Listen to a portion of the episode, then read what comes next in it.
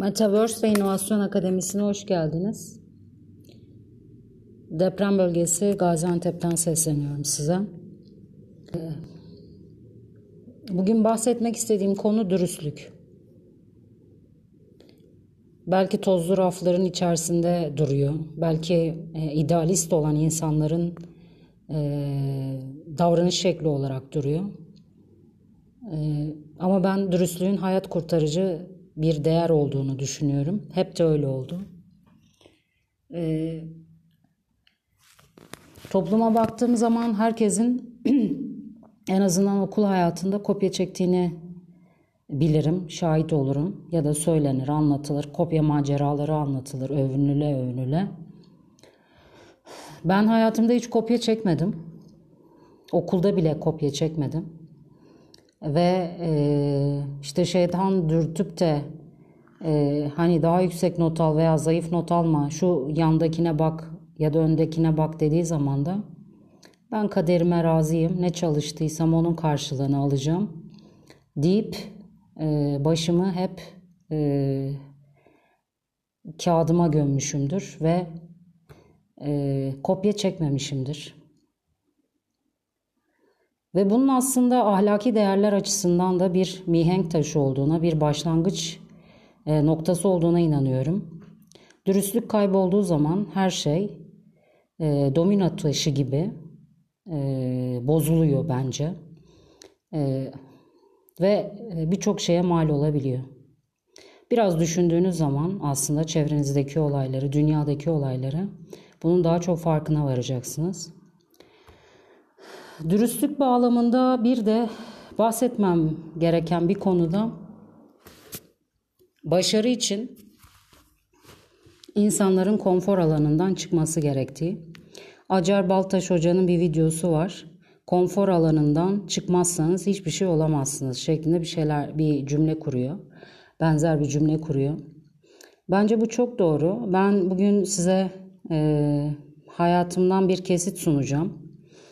Ee, eğer inovasyon konusunda bugüne kadar 11 tane ödül almışsam, on binlerce insan tarafından alkışlanmışsam e, ve hiçbir kimsenin e, veya hiçbir grubun e, eteklerinin altına girip de bir yerlere gelmemişsem, kendi bileğimin hakkıyla ve dürüstlüğümle e, tamamen çalışmamın karşılığı olarak e, mesela doktora yaptıysam e, mesela e, belli ünvanları aldıysam bunlar e, tırmalıya tırmalıya birçok sınava gire gire ÖSYM'da işlemlerinde benim e, hatırladığım kadarıyla 16 sayfam var. 16 sayfa. Her sayfada da pardon 6 sayfa var. Her sayfada da 16 tane sınav var. Ve bunlar girdiğim sınavların bazıları. Yani 16 çarpı 6 olarak düşünün. Artı üniversite sınavları olarak düşünün veya diğer sınavlar olarak düşünün. E, hayatım sınavlarla geçti. e, hiçbir şeyi kolay elde etmedim. E, hiç kimsenin referansı, e, olmadı hiçbir şekilde. Hatta ben yüksek lisansı e, yüksek lisans için 3 tane üniversiteye başvurdum ama kabul edilmedi. Ve 6 sene boyunca ben akademiye küstüm. Sonrasında e, yüksek lisans yaptım. Ve kaderin bir cilvesidir ki beni kabul etmeyenler e, sonrasında beni işte seminer hocası olarak, hoca olarak e, çeşitli programlara davet ettiler. Ee, burada azim de tabii çok kıymetli, önemli. Ee, geçen gün bir arkadaşım bana şey dedi. Ya sen başka bir ülkede olsaydın çok farklı yerlerde olursun dedi. Ben farklı bir ülkede olmak istemiyorum. Burası benim vatanım. Ve ben e, bu vatan için çalışmak istiyorum. Çünkü bu vatan için birçok şehit verildi. Verilmeye de devam ediyor. Ben e, dürüst bir insan olarak, dürüst kalmayı da ilke edinmiş bir insan olarak ölene kadar inşallah, e, haksızlıklarla mücadele eden bir insan profili olarak e, yolumdan sapmayacağım. İnşallah da e, öyle e, durumlarla e, karşı karşıya kalmam. Bugün anlatacağım konu konfor alanından uzaklaşmak, konforsuzluğun getiri başarı getirdiği başarı hikayesi. Limon kasaları başlığını taşıyor. Limon kasaları benim için simge bir e, obje aslında. Objeler. E, benim hikayem. E, komşularımızdan istediğimiz kuru ekmeği suya banarak biz büyüdük. E, okumak tek kurtuluş mu bilinmez kimseler için. Küçük e, bir kız çocuğu 5 yaşından itibaren pazarlarda su satıp diğer çalışan kardeşleri gibi evine ekmek götürürdü. Bir yandan da okumak gibi bir tutkusu vardı tabi. Kitaplar onun için farklı dünyalara kapı aralayan hazinelerdi. Bakış açısı öyleydi kitapların.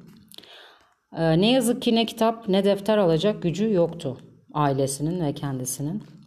Henüz birinci sınıftayken harfleri öğrendiği yazı defteri bir ortalıydı diye hatırlıyorum. Dolduğunda başa döner, yazdıklarını siler ve tekrar yeni öğrendiklerini e, yazardı. O defteri tekrar doldururdu. Ufacık kalmış e, parmakları arasında sıkışmış kalemiyle. Sonra kitapları kimden bulursa ikinci el kullanılmış, çizilmiş ne kadar kitap varsa toplardı. Bunlar bile onun, onun için çok kıymetliydi. Bizim zamanımızda devlet kitap vermezdi. Biz kitap alırdık. Alamayacak güçte olan da eski kitapları bir şekilde temin eder ve o şekilde okula giderdi. Yani ben hatırlıyorum okul döneminde kitap, e, defter bir stres kaynağıydı. Bunları alabilmek, alabilmek için e, masraf yapardınız. O masrafı karşılayacak bir bütçeniz yoktu. Yani bizim gibi insanların bütçesi yoktu. Ve onları alamazdık. O yüzden de ben okullar açıldığı zaman büyük bir strese girdiğimi hatırlıyorum. Bu kitapları da edindiğim kitapları da e, pazarlardan e, alışveriş yaptığımız zaman gazete e, kağıtlarından kese kağıtlardı o dönemlerde. O kese kağıtlarını ben açardım ve e, kitaplarımı o şekilde kaplardım veya defterlerimi. Veya e, daha yaratıcı bir yöntem poşetler. Alışveriş poşetleri var ya alışveriş poşetlerini e, keserdim kap kağıdı yapmak için ve onları onlarla kitapları veya defterleri kaplardım. Ee, yani bunlar yaşanılan tecrübeler. Kitaplar olmadan yaşam mümkün müydü benim için? Hayır.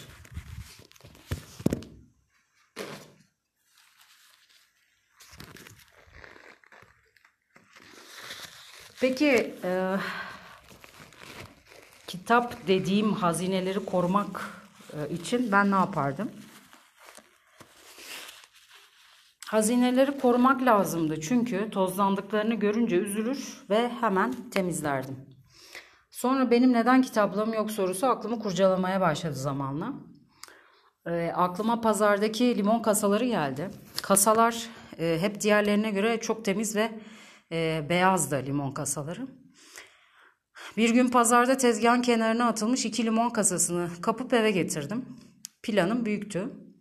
Kitaplarım, kitaplarının evi e, olacaktı bu kasalar. Kitaplarımın eviydi. Dolayısıyla onlara o gözle baktım. Aslında kasalardı.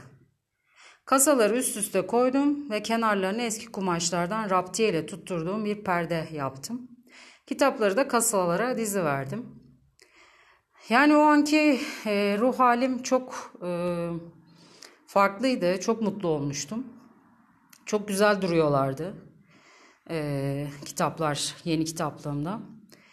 Ve imkansızlıklara rağmen ben hep okuduğumu, kitaplarla bağımı hiç koparmadığımı, fark ettim zamanla. Sonra ben kitap yazdım birkaç tane. Tez yazdım. E, ortaokuldan beri de Taksim'de Atatürk kitaplığı vardır. E, müthiş bir manzarası vardır oranın. Yorulduğunuzda o manzaraya doğru bakarsınız ve dinlenirsiniz. E, doktora tezimin bir kısmı dahil ortaokuldan beri ben o e, Taksim Atatürk kitaplığında en mutlu günlerimi yaşamışımdır. Çünkü bazı insanlar için e, yaşam e, o kitapları okumaktan, merak etmekten, e, bilgi sahibi olmaktan, araştırmaktan öte bir e, mekan değildir hayat. E, dolayısıyla benim gibi insanlar için okumak, merak etmek, araştırmak, insanlara faydalı şeyler yapmak, hümanist davranmak ve en önemlisi de dürüst olmak, kimseye acı çektirmemek, etik davranmayan insanlardan uzak durmak değerler arasında gelir. İdealist davranmak bu yönde e, en kıymetli değerler arasındadır. Okullarda bunların öğretilmesi gerektiğini düşünüyorum. E, çünkü aslında bunlar hem insanın hayatını kurtaracak hem de e, ülkenin e, daha fazla gelişmesini sağlayacak faktörler. E, o yüzden de zaten e, değerler eğitimi şeklinde bir ifade var. E, umarım yaygınlaşır ve uygulamada insanlar bunlara uyar, bu değerleri uygular. Peki sonrasında ne oldu? Limon kasalarıyla kitaplık yapan kişi yani ben neler yaptım? Ben okudum. Ha, Atatürk kitaplığından bahsediyordum bu arada. Atatürk kitaplığında ben ortaokuldan beri orayı mekan edinmiş bir insanım. Ee, orada e, birçok kitap okumuş bir insanım. Ders çalışan bir insanım. İşte doktora tezi yazan bir insanım. Sonra bir gün ben doktora tezimi yazarken e, yorul 6 saat falan çalışıyordum hafta sonları. Ve 5-6 saat çalışmak için de o kütüphanede en az 1 saat 2 saat sıra beklediğimi hatırlarım. E, sırtımda ağır bir çantayla e, genç de değiliz tabii. Ve e, ona rağmen 2 saatlik bir kuyruk bekleyip sonrasında içeriye girip e, tabii orada oturmak büyük bir nimet o kadar beklemenin sonunda. E, o sandalye, o masa sizin için çok kıymetli. E, ve yorulduğunuz zaman da ne yapıyorsunuz? Kalkıyorsunuz. İşte yorulmamaya çalışmak da önemli tabii. Çünkü zamanı kıymetli bir şekilde kullanmak zorundasınız. Yorulduğunuz zaman da ne yapıyorsunuz? E, yani ben e, dışarı çıkıp e, bahçede nefes almayı e, nefes alırdım veya işte bahçesi de çok güzeldir çünkü oranın veya e, kitaplardaki rafları gözden geçirirdim. E, raflardaki kitapları gözden geçirirdim. Ve e, raflara baktığım zaman birden gözüme tanıdık bir kitap çarptı. Beyaz. Üzerinde renkli harfler var. İki tane kitap yan yanaydı. Yaklaştım. Tesadüfen oluyor bütün bunlar. Dinlenme vaktinde oluyor. Yaklaştım, kitapları aldım. Baktım benim kitaplarım. Atatürk kitaplığında ortaokuldan beri ders çalıştığım, kitap okudum, araştırma yaptığım Atatürk kitaplığında e, ve kitaplardan, defterlerden yoksun kaldığım bütün okul hayatım boyunca kendi kitaplarımı, kendi yazdığım kitapları aslında o Atatürk kitaplığının bana kazandırdığı bilgilerle yazdığım kitapları rafta kita, e, raflarda gördüm. O an benim için o kadar tarihi bir andı ki, o kadar güzel bir andı ki. E, önce kendimle gurur duydum. Sonra beni e, bu yönde teşvik eden ailemle, e, bana katkı sunan hocalarımla gurur duydum. O yani çok anlatılmaz bir andı. Konfor alanında hiç olmadım. Hep e, zorluk çektim bu anlamda. En basitinden bir kitaplığın bile olmaması zaten bunu anlatmaya değer. Limon kasalarından bir kitaplık yapmaya çalışan bir çocuğun hayatı zaten buna anlatmaya değer örnek bir hayat hikayesi. Bunları neden anlatıyorum? Bunları çocuklara, gençlere, idealist olmaları için ve kendi hayatlarını nasıl kurmaları gerektiğine dair bir yol haritaları yol haritası çizebilmeleri için anlatıyorum. Örnek alınması için anlatıyorum. Peki e, sonrasında ne oldu? Ben okudum. Lisede yine e, hep çalıştım ben bu arada. 5 yaşından beri çalışıyorum. Lisede yine hem okuyup hem çalıştığım için üniversiteye gitmemeye karar verdim. Çünkü artık bıkmıştım. E, çok yorulmuştum. Edebiyat öğretmenim bir gün e, şöyle bir soru yöneltti e, sınıfımıza. Altı mat A'ydım ben. Matematik mezunuyum lisede. Dedi ki e, üniversitede hangi bölümleri istiyorsunuz? Herkes kalktı işte dedi ki ben psikoloji istiyorum, ben felsefe istiyorum, ben mühendislik istiyorum, ben tıp istiyorum. E, çünkü multidisipliner yetiştiriliyorsunuz ve eski klasik sisteme göre yetiştiriliyorsunuz Beşiktaş Kız Lisesi'nde. E, çok kaliteli öğretmenlerimiz vardı. Ölenlere Allah'tan rahmet diliyorum. Onların emeği çok büyüktür. Ve emeklerinin karşılığı hiçbir şekilde yoktur bence. Çünkü hayatları değiştiren hocalarımızdır onlar. Sıra bana geldi. Hoca dedi ki edebiyat hocamız e, sen hangi bölümü istiyorsun? Ben önce bir durakladım. Bu arada o sene Türk Kadınlar Birliği'nde kompozisyon Türk Kadınlar Birliği'nin düzenlediği kompozisyon yarışmasında birincilik ödülünü almışım. Yazdığım kompozisyonla. Kompozisyon konusu da e, Atatürk'ün kadınlara verdiği önem çok beğenilmiş vesaire.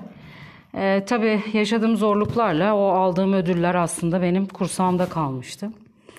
E, o gün o zaman hatırladığım kadarıyla İş Bankası'ndan 500 TL'lik bir hediye çeki yani para ödülü. E, Macbeth oyununa bilet, e, Cumhuriyet Balosu'na davet Pera Palas'ta. E, ve Atatürk'ün Nutuk kitabı hediye edilmişti bana. E, bunlar tabii eşsiz hediyeler.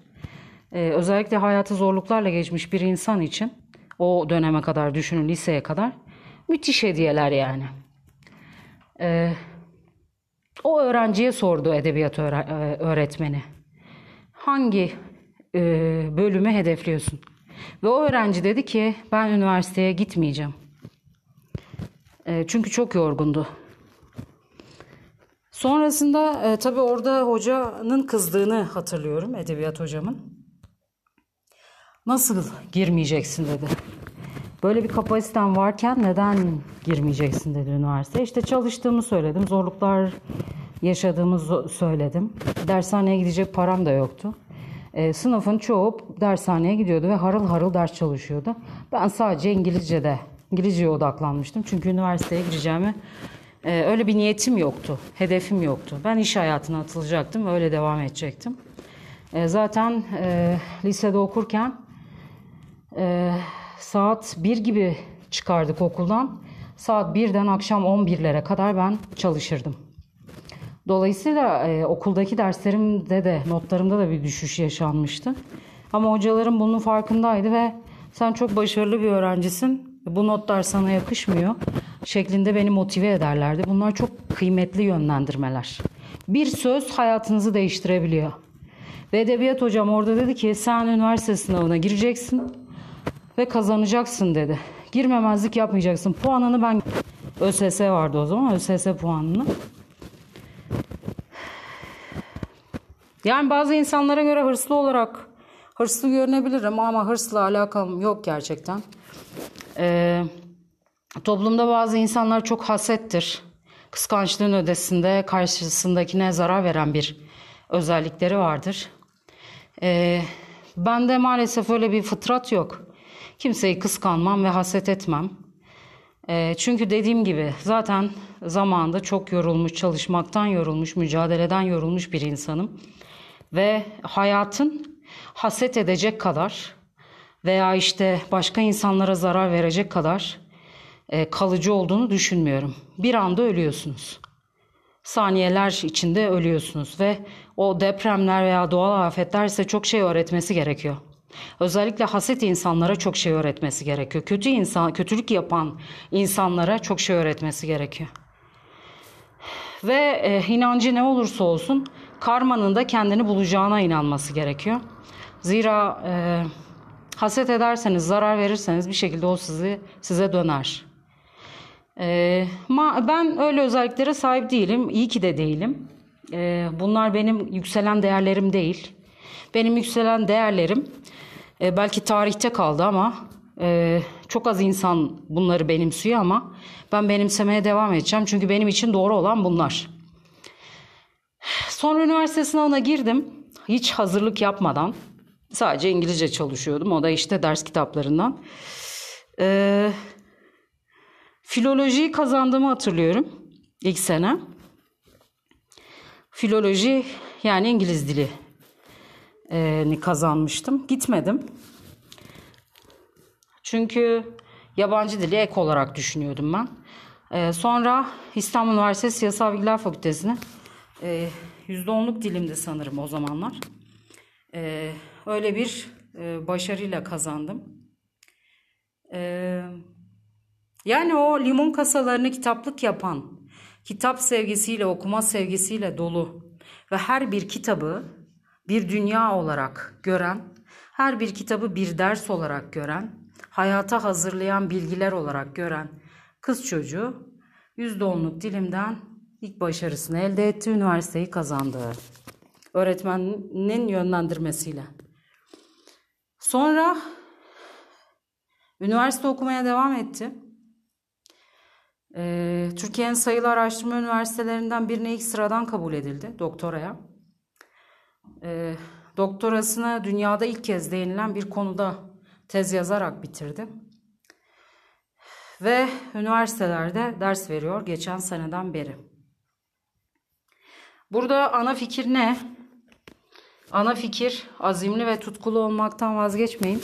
Şartlar ne olursa olsun e, vazgeçmeyin. Ben hatırlıyorum orta üçüncü sınıftayken orta birdeki orta birdeki e, kardeşimin e, derslerin e, veli toplantısına giderdim. E, yani erken yaşlarda büyüyen bir çocuk aslında. E, özellikle bu zaman için e, çocukların, gençlerin örnek alması gerektiğini düşündüğüm bir yaşam hikayesi bu. Ve bariz somut olarak da karşınızda duruyor. Eee yani başarı elde etmeye inşallah devam edeceğim. Ee, ömrüm e, yettiğince. Çünkü klasik hedeflerim yok benim. Ee, ve kendimle yarışan bir insanım. Ee, yani tek rakip olarak da kendimi görüyorum. Çünkü e, başka insanlar benim gibi değiller. Benim şartlarımdan gelmemişler. E, dolayısıyla da tek rakip olarak kendimi görmem de çok doğal. Evet. Yurt dışı ile genelde bağlantı kurarım araştırmalarımda. E, çünkü daha iyi anlaşıldığımı görüyorum. E, daha yardımsever insanlarla karşılaşıyorum. İşte Avrupa Komisyonu, Avustralya, Kanada, buradaki hocalar veya işte e, devlet birimleri. Yani sorduğum sorulara cevap alabiliyorum. Çünkü aynı mantalitedeyiz ve bakış açımız aynı. Evet. Umarım şartlar öyle e, seviyelere gelir ki dürüst insanlar e, daha e, üst seviyelerde e, kıymet görürler e, toplumda ve e, benim gibi zorlu hayat şartlarından gelen insanlar kıymet görürler. Ben bunu e, değerler eğitimi bağlamında paylaşmak istedim. İnovasyona katkısı ne? Metaverse ve İnovasyon Akademisi ya bu podcast kanalının adı. Yine sallandık bu arada. Artçı sarsıntı ve su şişesi bayağı bir titredi. Ben yürüdüğüm için çok fark etmedim ama sesi duydum. Yapacak bir şey yok. Ee, şu an Gaziantep'teyim ve bunu hissettim. Ara ara çok hissediyoruz zaten. çevre illerdeki artçı sarsıntılar bizi de etkiliyor. E önceki podcastimde zaten yaşadığım depremleri anlatmıştım. Allah istiyorsa birkaç saniyede canınızı alıyor. Dediğim gibi. Yani bu kısacık hayatta da işte bu tür afetlerden alacağınız ders şu. Hayatınız kısa, sayılı. İnsanlara kötülük yapmak, haset etmek bir şey kazandırmaz. Bol bol çalışmak, bir şeyler üretmek, zamanınızı doğru kullanmak, etkili kullanmak, verimli kullanmak size bir şey kazandırır. Ve bu dünyada e, önemli olan tek şey bence sevdiklerinizi mutlu etmek, kendinizi mutlu etmek ve insanlığa yararlı bir şeyler yapmak. Metaverse ve İnovasyon Akademisi kapsamında da e, neden bu dürüstlük, neden bu limon kasaları örnek olarak veriliyor? Şöyle ki, e, inovasyon yapabilmeniz için araştırma yapmanız, azimli olmanız, dürüst olmanız, hümanist bir bakış açısıyla bakmanız bence gerekiyor. E, ben yaptığım bütün projelerde hep bunu e, şey yaptım, amaç edindim. Dolayısıyla e, bunlar e, bence iz bırakacağınız, bu dünyaya iz bırakacağınız şeyler. E, bir kitap yazmanız, bir podcast kanalı kurmanız e, e, veya işte makaleler yazmanız, bir çocuğun başını okşamanız, deprem bölgesindeki insanlarla sohbet etmeniz, konuşmanız. Çünkü onların dinlenmeye ihtiyacı var. E, aldığınız feedbacklerle inovatif projeler üretmeniz, e, çünkü e, inovasyon şöyle bir şeydir. Buzdağının görünen yüzüdür. Aslında e, suyun altında o kadar çok e, bilgi deposu vardır ki sizin zamanla edindiğiniz, gördüğünüz, gözlemlediğiniz, insanlarla konuşmanız sonucunda elde ettiğiniz o kadar çok bilgi vardır ki inovasyon kolay yapılmaz çünkü bir anda kortekslerinizin çalışması bu bilgi birikimiyle bağlantılıdır. Evet. Yani anlattığım hikaye benim hikayem ve e, bu e, hayat hikaye, hikayesi belki beni bu başarılara e, e, zerk etti, yönlendirdi. Dolayısıyla hayatta e, birçok şey kolay elde edilmiyor. İnovasyon yapmak için de saydığım özelliklere sahip olması gerekiyor. Konfor alanından çıkması gerekiyor insanların. Hatta konfor alanı e, benimsememesi gerekiyor. Konfor alanına girdiği an tehlikeli bir bölgeye girdiğini düşünüp ona göre zorlukla mücadele etmeye devam etmesi veya kendine e, yeni kulvarlar belirlemeye devam etmesi gerekiyor. Yani umarım ülkemiz için böyle insanların sayısı artar. Dürüst insanların, idealist insanların, Sürekli araştırma yapıp ülkeye katkı sağlama e, hedefinde olan insanların sayısı artar. Belki bu döneme göre ben e, bu çağa göre çok ütopik düşünüyor olabilirim. E, ama böyle sahillerde tek tük olan deniz yıldızlarının ne kadar kıymetli olduğunu bilirsiniz. İşte o tek tükler belki toplumun bir yerlere taşır. Benim anlatacaklarım bu kadar. Umarım bizim gibi insanların sayısı artar. Ülkenin refahı için, e, bu ülkede yaşayan herkesin mutluluğu için. Çünkü e, ben özellikle deprem e, depremi yaşadığımız bu dönemde farkına vardım. İşte o Beşiktaş taraftarının sahneye şeye salo, spor ah, pardon ah, stadyuma peluş oyuncakları atması o kadar kıymetliydi ki. Ben onu defalarca izledim o sahneyi. Ee, ya o bizim insanımızın, bizim toplumun insanının çok merhametli olduğunu gösteriyor. Çok insancıl olduğunu gösteriyor. Ve e, bu memlekette yaşayan insanların birçoğu o merhamete de layık, e, e, başarılı olmaya da layık. Bir sürü güzel projenin e, uygulanması ve kaliteli, güzel bir yaşam sürdürmesine de layık. Bu insanlar birçok şeye layık. E, o yüzden kenetlenmek, birlik, beraberlik denilen kavram var ya, e, domino taşı gibi birçok, birkaç insanla başlayıp birçok insanla devam eden bir e, silsile. E, bu inovasyonla da birleşince tabii daha katma değer yaratan e, projeler üretilmesi ve ülkenin bir üst seviyeye gelmesini, işte birçok alanda başarı sağlanmasını ve e, bizim düşmanımız çok biliyorsunuz ülke olarak. Bunların alt edilmesini sağlayacak. O yüzden önemli. Bu anlattıklarım da o yüzden önemli. Kendinize dikkat edin. Umarım e, yine ağır bir depreme maruz kalıp da e, hayata veda etmeden sizlerle podcastlerimi devam ettiririm. E, Hoşçakalın.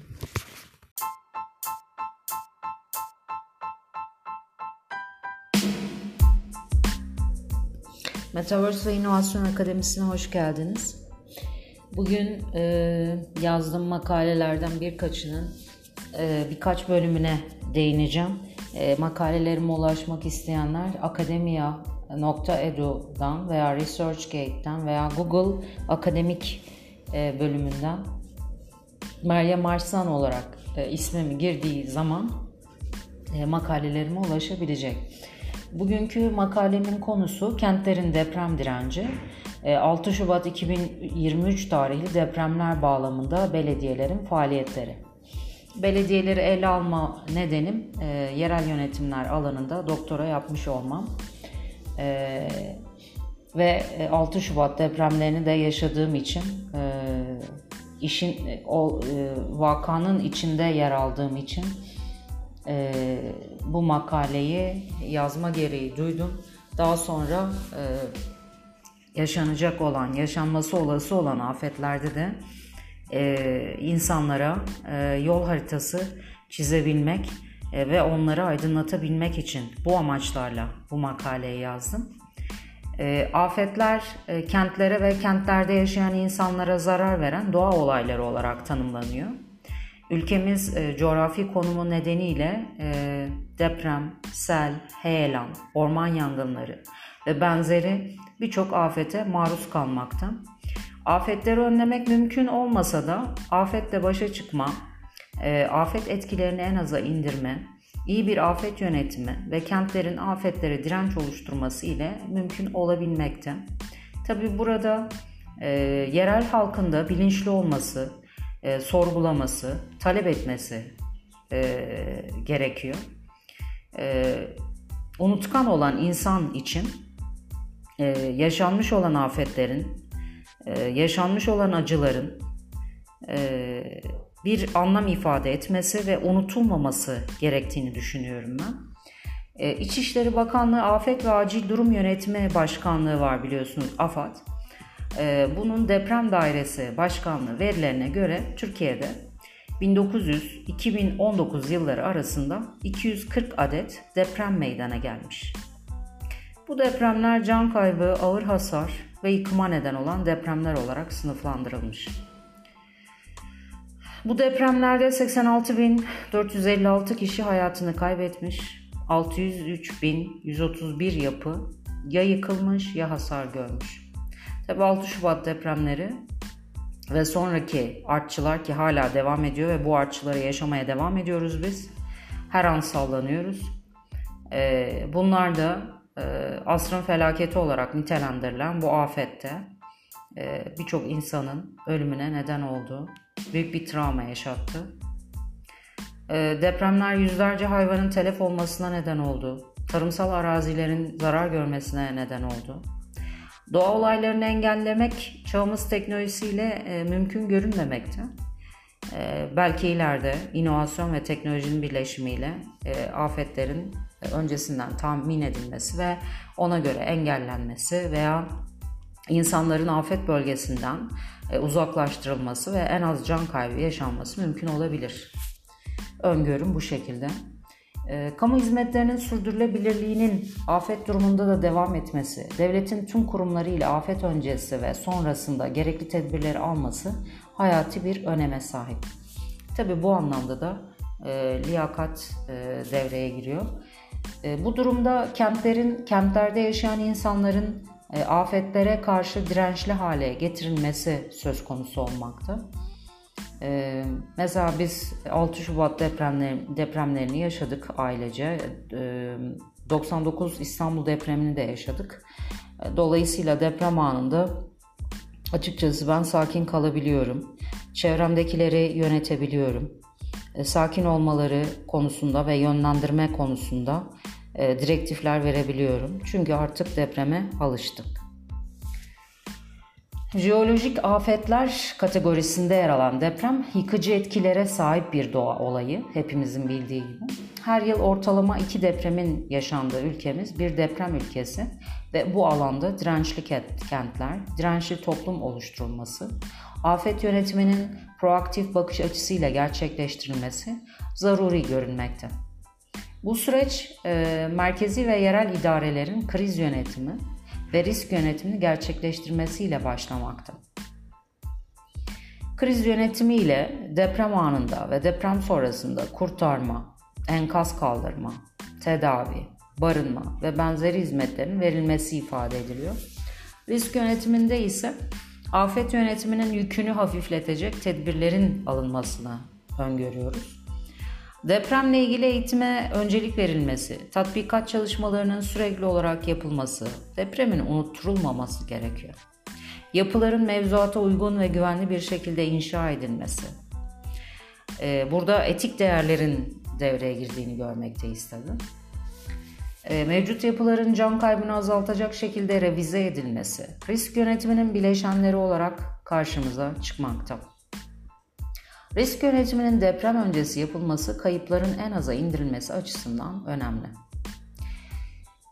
6 Şubat 2023 deprem bölgesinde olan bizler için kara bir gün, e, travma yaşatan bir gün, hıçkıra hıçkıra kayıplar konusunda ve o bir buçuk dakikadan iki dakikadan fazla süren deprem konusunda bizi hıçkıra hıçkıra ağlatan bir gün ve hayat boyu da hatırlanacak bir gün. Evet, makaleye geri dönecek olursak 6 Şubat 2023 tarihinde sırasıyla 7.7, 7.6 büyüklüğünde depremler yaşandı. Depremler Kahramanmaraş, Hatay, Adıyaman, Gaziantep, Malatya, Kilis, Diyarbakır, Adana, Osmaniye, Şanlıurfa ve Elazığ'da hissedilmiş can kaybı ve hasara neden olmuştur. Şimdi ben e, bu şehirleri saydığım zaman e, bu şehirlerde yaşayan insanların verdiği kayıplar e, kayıpları düşünerek sayıyorum. Ve işte bu insanlar aslında bir sayıdan ibaret değiller. Veya ortaya çıkan hasar e, maddi olsa da insanların aslında geleceğe yönelik umutlarının yıkılmasının bir ifadesi. Umutlar, umutlarının e, enkaz haline gelmesinin bir ifadesi veya e, işte derin çatlakları gördüm ben Nur Dağı'nda, Islahiye'de. E, insanların umutlarının yaşadıkları işte kalplerinde oluşan aslında çatlaklar bunlar.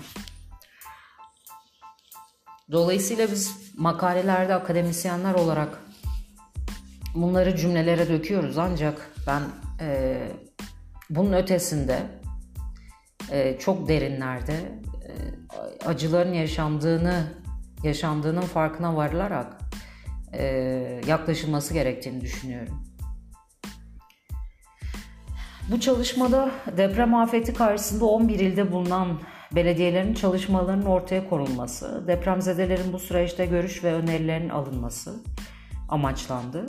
Çalışmada ilk olarak doğal afet ve afet yönetimi konusuna değinildi. Türkiye'de afete direnç geliştirmek için yapılan çalışmalar incelendi. Depremlere karşı dirençli kentler oluşturmak için yapılması gerekenler ele alındı. Makalemde doğal afet ve afet yönetimine değindim. Mevzuata değindim. Afet yönetimi politikalarının gelişimini e, tarihsel olarak ele aldım. Afete karşı dirençli e, kentler e, oluşturmak için neler yapıldı bugüne kadar mevzuat açısından onlara değindim. Yapılması gerekenlere değindim. E, çeşitli grafikler, e, istatistikler, veriler doğrultusunda ve alan araştırmasında da e, görüş depremzedelerin görüş ve önerilerine e, değindim e, belediyelere yönelik olarak e, ve şöyle devam ettim. AFAD ön değerlendirme raporuna göre 6 Şubat 2023 tarihinde saat 04.17'de ve aynı gün 13.24'te merkez üssü Kahramanmaraş, Pazarcık ve Elbistan olan 7.7 ve 7.6 büyüklüğünde iki deprem meydana gelmiştir. Artçı sarsıntıları devam eden depremler 11 ilde can kaybı ve hasara neden olmuştur. 11 il ve 54 ilçenin etkilendiği deprem bölgesinde 807 belediyenin görevlendirme işlemi yapılmıştır. Araştırma e, amaç, çalışmanın amacı deprem sonrasında belediyelerin yaptıkları çalışmaları örnek faaliyetler kapsamında tespit etmek ve depremzedelerin tecrübelerine yer vermektir. Çalışma kapsamında depremden etkilenen 11 ilin faaliyetleri 8 Şubat 8 Mart 2023 tarihleri arasında incelenmiştir. Islahiye ve Nurdağı çadır kentlerinde ve Gaziantep merkezde yaşayan ve yakınlarını kaybeden toplam 20 kişiyle yarı yapılandırılmış görüşme tekniği ve gözlem yöntemi türü olan gözlemci olarak katılımcı yöntemleri kullanılmış, deprem anında neler yaşadınız, belediyelerden deprem sonrası beklentileriniz nelerdir sorularına yanıt aranmıştır. Çalışmada nitel veri analiz yöntemi olan doküman analizi ve yarı yapılandırılmış görüşme tekniği, gözlemci olarak katılımcı yöntemleri kullanılmış, adı geçen belediyelerin tweetleri, sosyal medyaları incelenmiştir.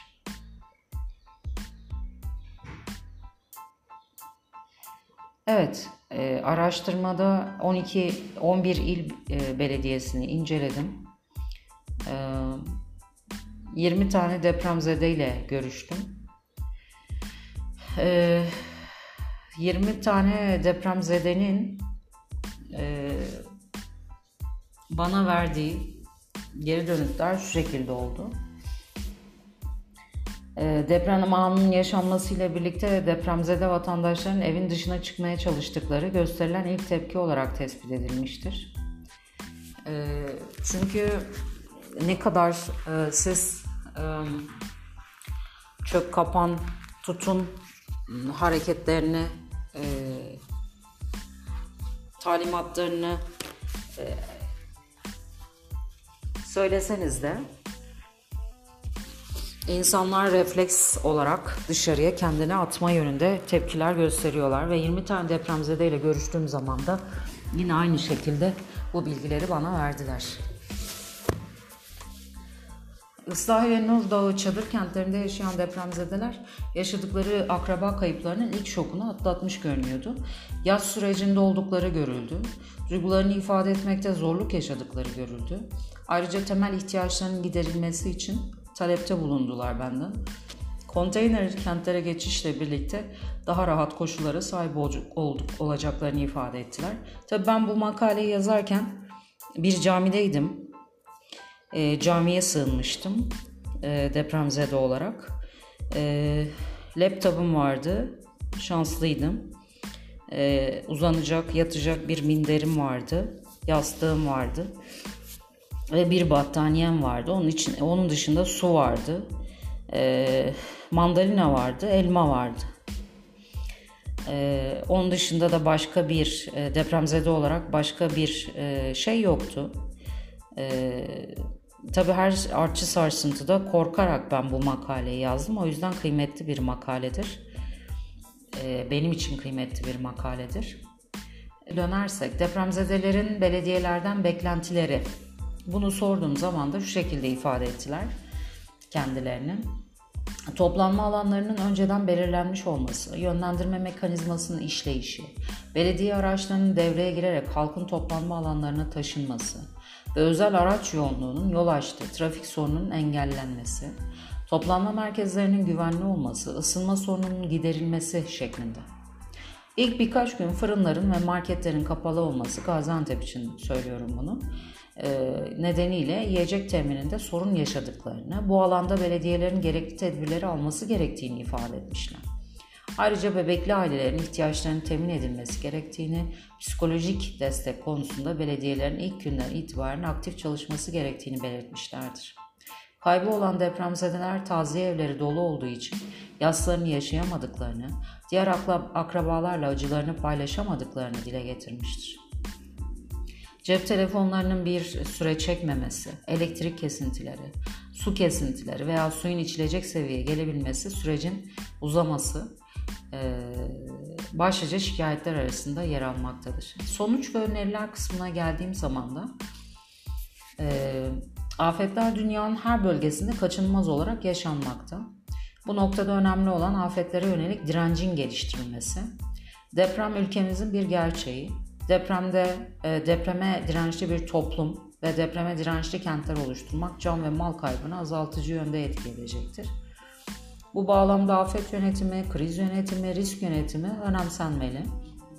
Deprem risk yönetimi kapsamında can kaybını azaltacak tedbirlerin alınması, yerel yönetimlerin daha aktif bir şekilde sürece dahil olmasını gerektirmekte. Deprem er, erken uyarı sistemlerinin kullanılması, depremin yol açtığı zararların minimize edilmesi açısından önemli ve önerilebilir. Ek olarak depremden depreme alınacak tedbirlerin sürekli bir şekilde devam ettirilmesi, edinilen tecrübelerden ders alınması ve depreme yönelik ilginin unutulmadan canlı tutulması önemli. Çünkü her deprem birçok can kaybının yaşanması sonucunu doğurmuştur. Depremle birlikte yaşamak, depreme ilişkin alınacak tedbirlerle zararı en aza indirgemek bilinci toplumda yer bulmalı. Buna ilişkin olarak çeşitli politikalar üretilmeli. Deprem yönetişim mekanizması içinde belediyelerin daha aktif rol aldığı bir süreçler bütününe dönüştürülmeli. Deprem anı ve sonrasında yaşananlar konusunda hafıza canlı tutulmalı. Ee, ve e, alınan dersler doğrultusunda belediyelerin gerekli politikaları üretmesi, bir an önce hayata geçirmesi konusunda hassas davranılmalı. E, bunlar e, belli başlı öneriler arasında yer alıyor. Ee, diğer önerileri de sıralayacağım. Ee, deprem felaketinden aldığımız dersler gerekli düzenleyici politikalarla sorunların çözülemediği durumlarda başka bir depremde tekrar karşımıza bir sorun olarak çıkacak. Öte yandan yerel yönetimlerde liyakatin hakim olması, ahlaki değerlerin önemsenmesi, politik ve ransal çıkarların farkına varılarak kamu yararının esas ve üstün tutulması deprem kayıplarının azaltılmasını sağlayacaktır. Depremde müdahale aşamasında kurumlar arası koordinasyon ve iletişim hayati derecede önemlidir. Çift yönlü yoğun iletişim kurulması, yetki karmaşasının aşılması gerekmektedir. Resmi kurumlar ile halk arasında iletişim köprüsü geleneksel medya yerine sosyal medya e, üzerinden olmuştur. Araştırma kapsamında belediye başkanlarının ilk gönderdikleri tweetlere yer verilmiştir. Anlık haberleşmenin ve yardım çağrılarının öncelikli adresi haline gelen sosyal medyanın infial yaratacak duyurulardan, dezenformasyondan uzak tutulması özellikle deprem afetinin yaşandığı süreçte önemlidir. Kriz anında önemli bir araç olarak karşımıza çıkan sosyal medyanın proaktif ve iyi yönlendirmelerle yönetilmesi gerekmektedir. Bu alanda yerel yönetimler sosyal medya yönetimlerini geliştirmelidir. Şimdi 11 ilde yaşanan 54 ilçenin etkilendiği deprem bölgesinde belediyelerin deprem faaliyetlerinin ele alındığı ve 20 depremzedenin görüşlerine yer verilen çalışmada bu çalışmayı deprem koşulları altında yaptım. Artçılar devam ediyordu. Ee, bu insanlar camilere, işte e, taziye evlerine e, ve benzeri sığınmışlardı. Belediyelerin genel olarak vatandaşların barınma ve yiyecek öncelikli olmak üzere temiz su, ve temel ihtiyaçlarının karşılanmasına yönelik faaliyetlerde bulunduğu, psikososyal destek verdiği tespit edilmiştir. Belediyeler arasında yardımlaşma dikkat çekmekte, depremin ilk günlerinde temiz su ihtiyacı ve gıda temini konusunda problemler yaşanmıştır. E, bu bulgular doğrultusunda da sunduğum öneriler aşağıda sıralanmakta. Evet, e, Belediyeler 5216 ve 5393 sayılı kanunlarda belirtilen görevleri yerine getirmek zorundadır. İl düzeyinde yapılan planlara uygun olarak doğal afetlerle ilgili planlamaları ve diğer hazırlıkları büyükşehir ölçeğinde yapmak, belediye, yangın, e, sanayi kazaları, deprem ve diğer doğal afetlerden korunmak veya Bunların zararlarını azaltmak amacıyla beldenin özelliklerine dikkate alarak gerekli afet ve acil durum planlarını yapar, ekip ve donanımı hazırlar. Kanun maddesi bu. Araştırma sonuçları ve afetin yol açtığı yıkım değerlendirildiğinde belediyelerin anlık olarak hareket ettiği, vatandaşların temel ihtiyaçlarını karşılamaya yönelik çalıştıkları gözlemlenmekte. Belediyelerin bu derecede yıkıma neden olan depreme karşı hazırlıksız olduğu görülmekte, gözlenmekte. Mevzuat hükümleri doğrultusunda belediyelerin çalışmasını sağlayacak bilinç düzeyinin ve ortamın sağlanması gerekmekte. 2. Depremin ilk anlarında depremzedelerin özel araçlarına sığınması trafik yoğunluğuna neden olmuştur. Özel araç yoğunluğunun yol açtığı trafik sorunun engellenmesi için toplu taşıma araçlarının devreye girmesi gerekmektedir. Merkezi anons sistemi bu anons sistemi uygulanmalı. 15 Temmuz'da camilerden e, anonslar yapılmıştı, selalar okunmuştu daha doğrusu pardon. E, bunu deprem için merkezi anons sistemi olarak e, uygulamamız gerekiyor. E, vatandaşların sakinleştirilmesi ve konumlarına göre toplanma merkezlerine yönlendirilmesi açısından bu kritik. Teknolojik olarak böyle bir organizasyonun yapılması lazım. Çünkü camiler e, yerelde birçok yerleşim alanında e, belirli noktalarda konuşlanmış e, mekanlar. Deprem konusunda sürekli bilgilendirme faaliyetlerinin yapılması gerekmekte. Bu işte deprem oldu, işte birkaç e, bir ay, birkaç haftaya da depremle ilgili haberler e, verildi. E, işte kurtarma faaliyetleri yapıldı. Enkazdan sağ çıkartılanlar şu saatten sonra vesaire şeklinde değil de e, deprem konusunun canlı tutulması. Çünkü deprem ülkesiyiz ve her an deprem oluyor. E, bu yönde e, sürekli bilgilendirme faaliyetlerinin yapılması gerektiğini iletiyorum. Enkaz kaldırma çalışmaları esnasında asbest tehlikesine karşı vatandaşlar bilgilendirilmeli ve uzmanların önerdiği maskeler dağıtılmalı. Asbest konusunda şimdi çalışıyorum ben. Özellikle e, enkaz kaldırma çalışmaları esnasında e, çadır kentlerin, çadırların enkazdan uzak bölgelere kurulması gerektiği söyleniyor. E, da, sonra daha e, detaylı bilgileri e, sonrasında vereceğim. E, bu makaleyi aşağı çünkü. Deprem e, toplanma merkezleri önceden belirlenmeli. Halka duyurulmalı. Toplanma merkezlerinde temel ihtiyaç malzemeler hazır bulundurulmalı. E, deprem erken uyarı sistemleri kullanılmalı. Depreme dayanıklı yapı malzemelerinin kullanılması, deprem teknolojilerinin yakından takip edilmesi ve merkezi yönetime öneri sunulması gerekmekte. Depreme ilişkin uzman görüşlerine e, sürekli olarak danışılmalı ve yönetişim mekanizması yoğun bir şekilde kullanılmalı. Kurumlar arasında koordinasyon ve yoğun iletişim sağlanmalıdır. Tabii bu, süre, bu süreçlerin hepsi inovasyona e, ne diyelim inovasyona gebe süreçler aslında. E, işte merkezi anons sisteminin yapılması, erken uyarı sisteminin devreye girilmesi vesaire. E, hatta Metaverse e, hayata geçiril, geçirildiği zaman Metaverse'de e, deprem tatbikatlarının yapılması e, birinci öncelikli olarak gerçekleştirilmeli ülkemizde. Deprem tat, tatbikatları, eğitimler Metaverse üzerinden yapılmalı. E, çeşitli işte biraz önce sunduğum öneriler doğrultusunda da çeşitli projeler hayata geçirilmeli.